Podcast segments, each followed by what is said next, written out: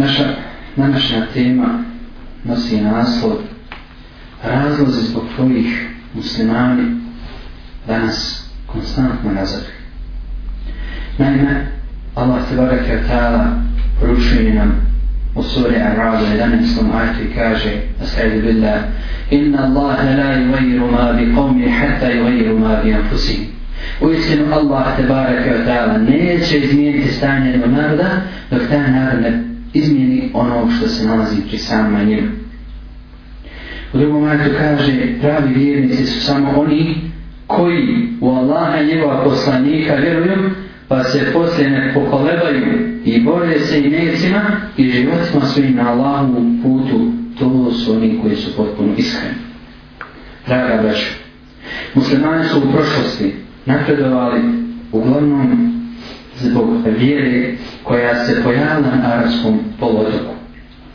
Kad pa nije su napustili razor, a prihvatili su jedinstvo, ostavili su širk, a primili su civilizaciju, okanili se obožavanja idola i odali se obožavanju jednog jedinog stvoritelja Allaha tebareke wa ta'ala. Tako su došli do ugleda moći, slave, znanosti i bogatstva i za pola stoljeća osvojili su od prilike pola zemljene kugle. Razorom i pred kraj Osmanova i Alina Hilafeta dolazi do kraha i cijepanja u muslimanskim redovima.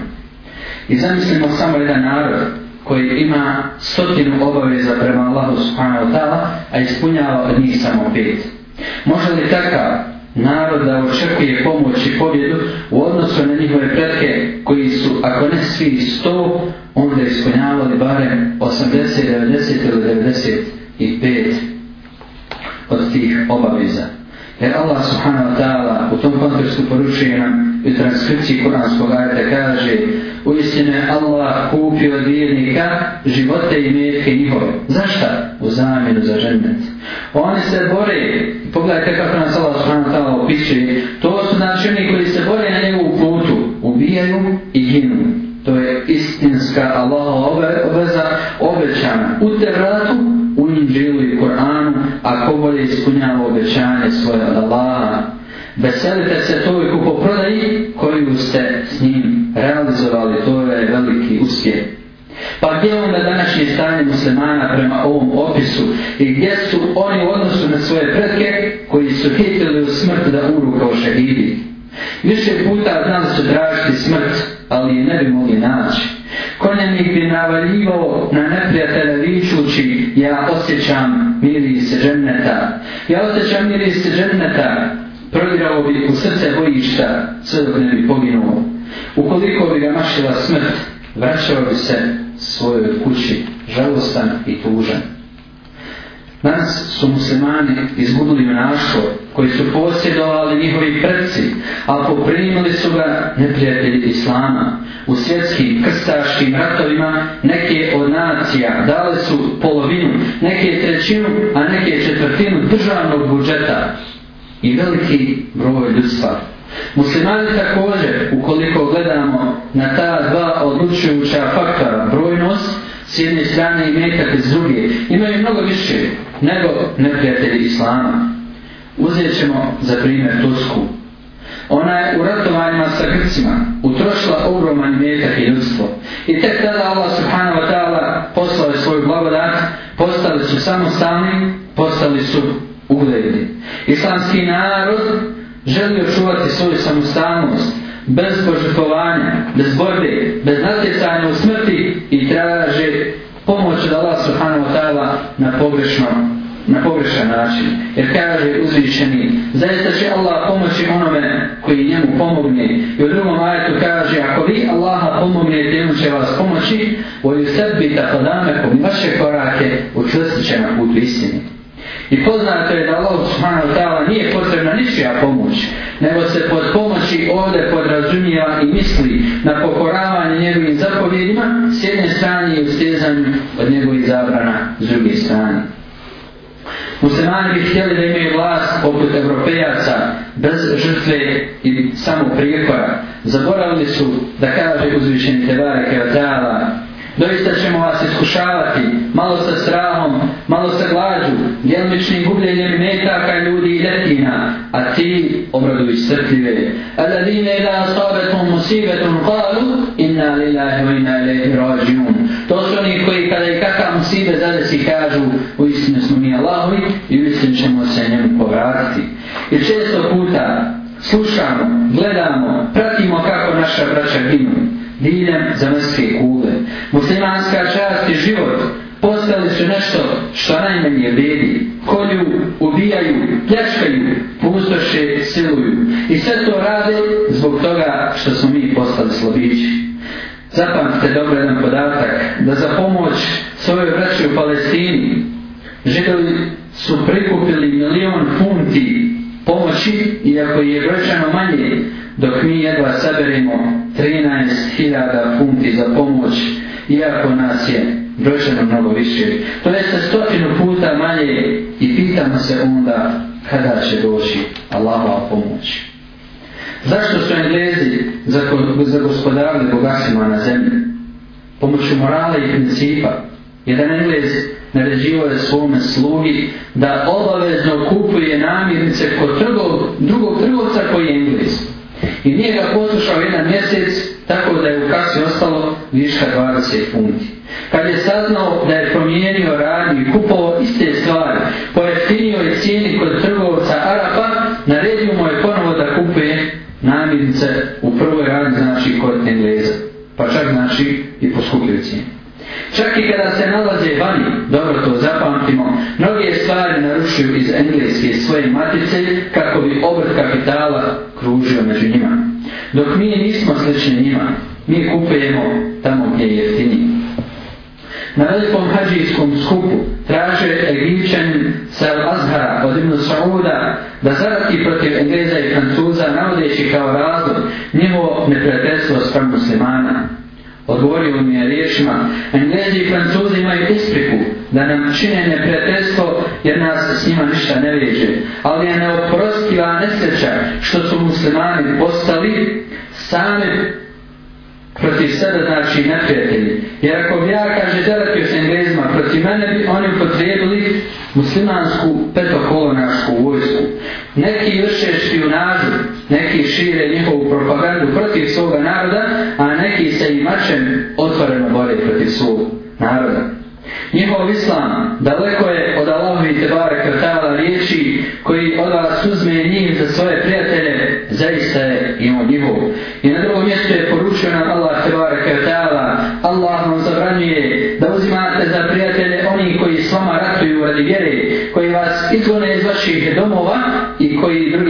traže da vas izvone oni koji je drže svojim prijateljima pravi su nasilnici. Komentar na ove riječi nije potreban. Spominjit ću osnovne i glavne razloge, iako oni nisu jedini, pred kojih moramo da se zapitamo i da ispoznamo i da prenesemo drugima. Koji su to uzraci stagnacije muslimana danas? Na prvom mjestu i neizbježno jeste seme, odnosno neznanje. Neznanje radi koje ima i oni koji ne znaju da razlikuju istine od zavode i sofizam primaju kao aksijom koji se ne da nikako pobiti. Na drugom mjestu jeste manjkavo znanje, a to je od opasnije prostog neznanja. Jer kada se neznalica namjeri na učenog vođu, poslušat će ga i neće mu mudrovati. Dok onaj koji je manjkavo obrazovan, on ne zna i ne može se uvjeriti u to da ne zna. Jedna poslovica kaže, bolje ti je imati posla s potpunom budalom nego s polbudalom. A Omer radi Allah ima je običaj da kaže da mi dođe stotinu učenih znači ljudi, ne bi se bojao zaći u raspravu sa njima. A što, što hoće da kaže? Ti meni dokaze, ja tebi dokaze.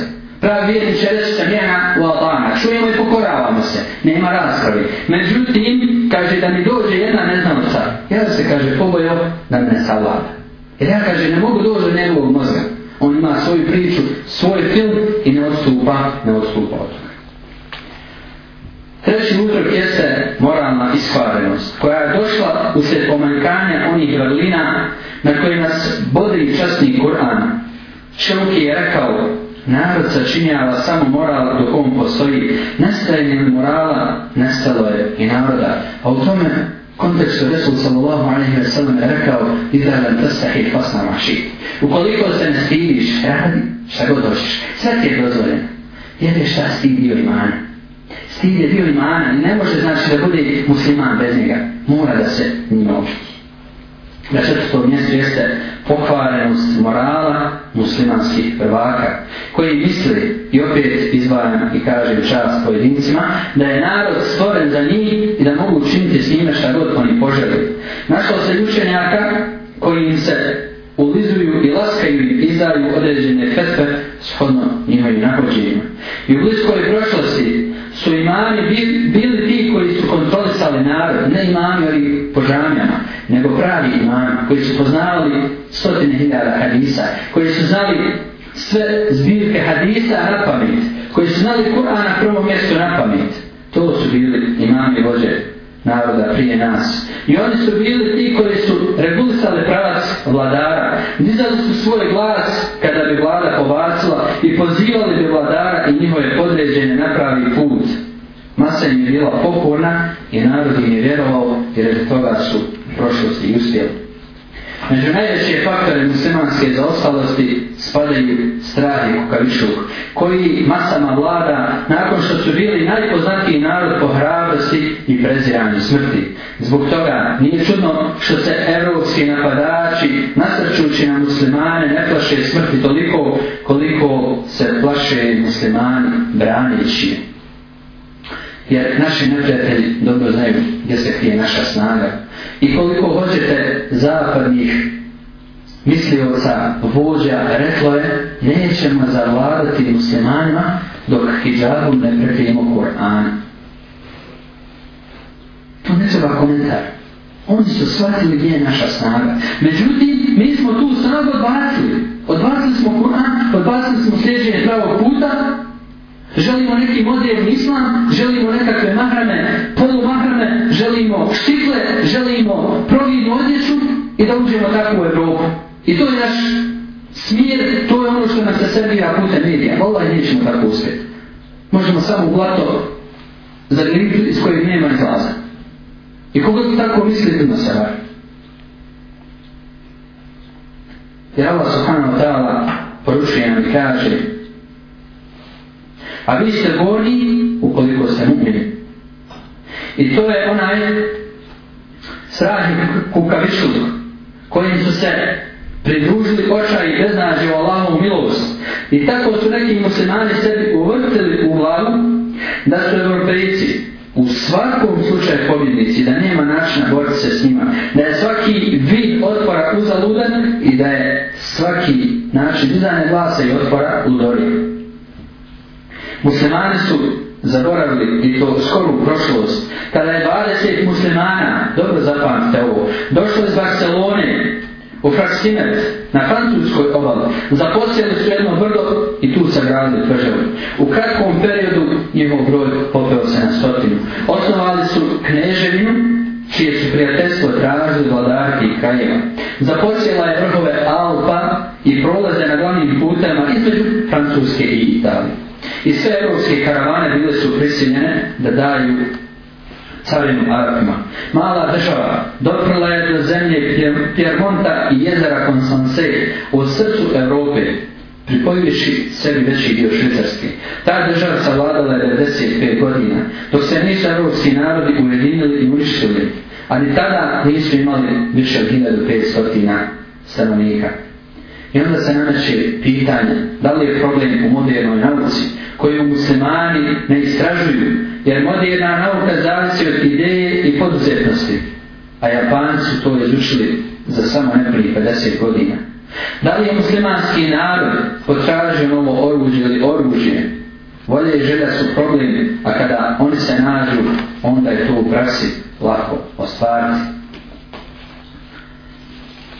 Muslimanima je i metak bio skup, pa su ga izgubili skupoci im je bio život, pa su njega izgubili. Jer je Allah tebara kretala htio da potvrdi riječi Rasula sallallahu alaihi wa sallame. Uskoro će na vas napasti narodi kao što gladi napadnu na čanak.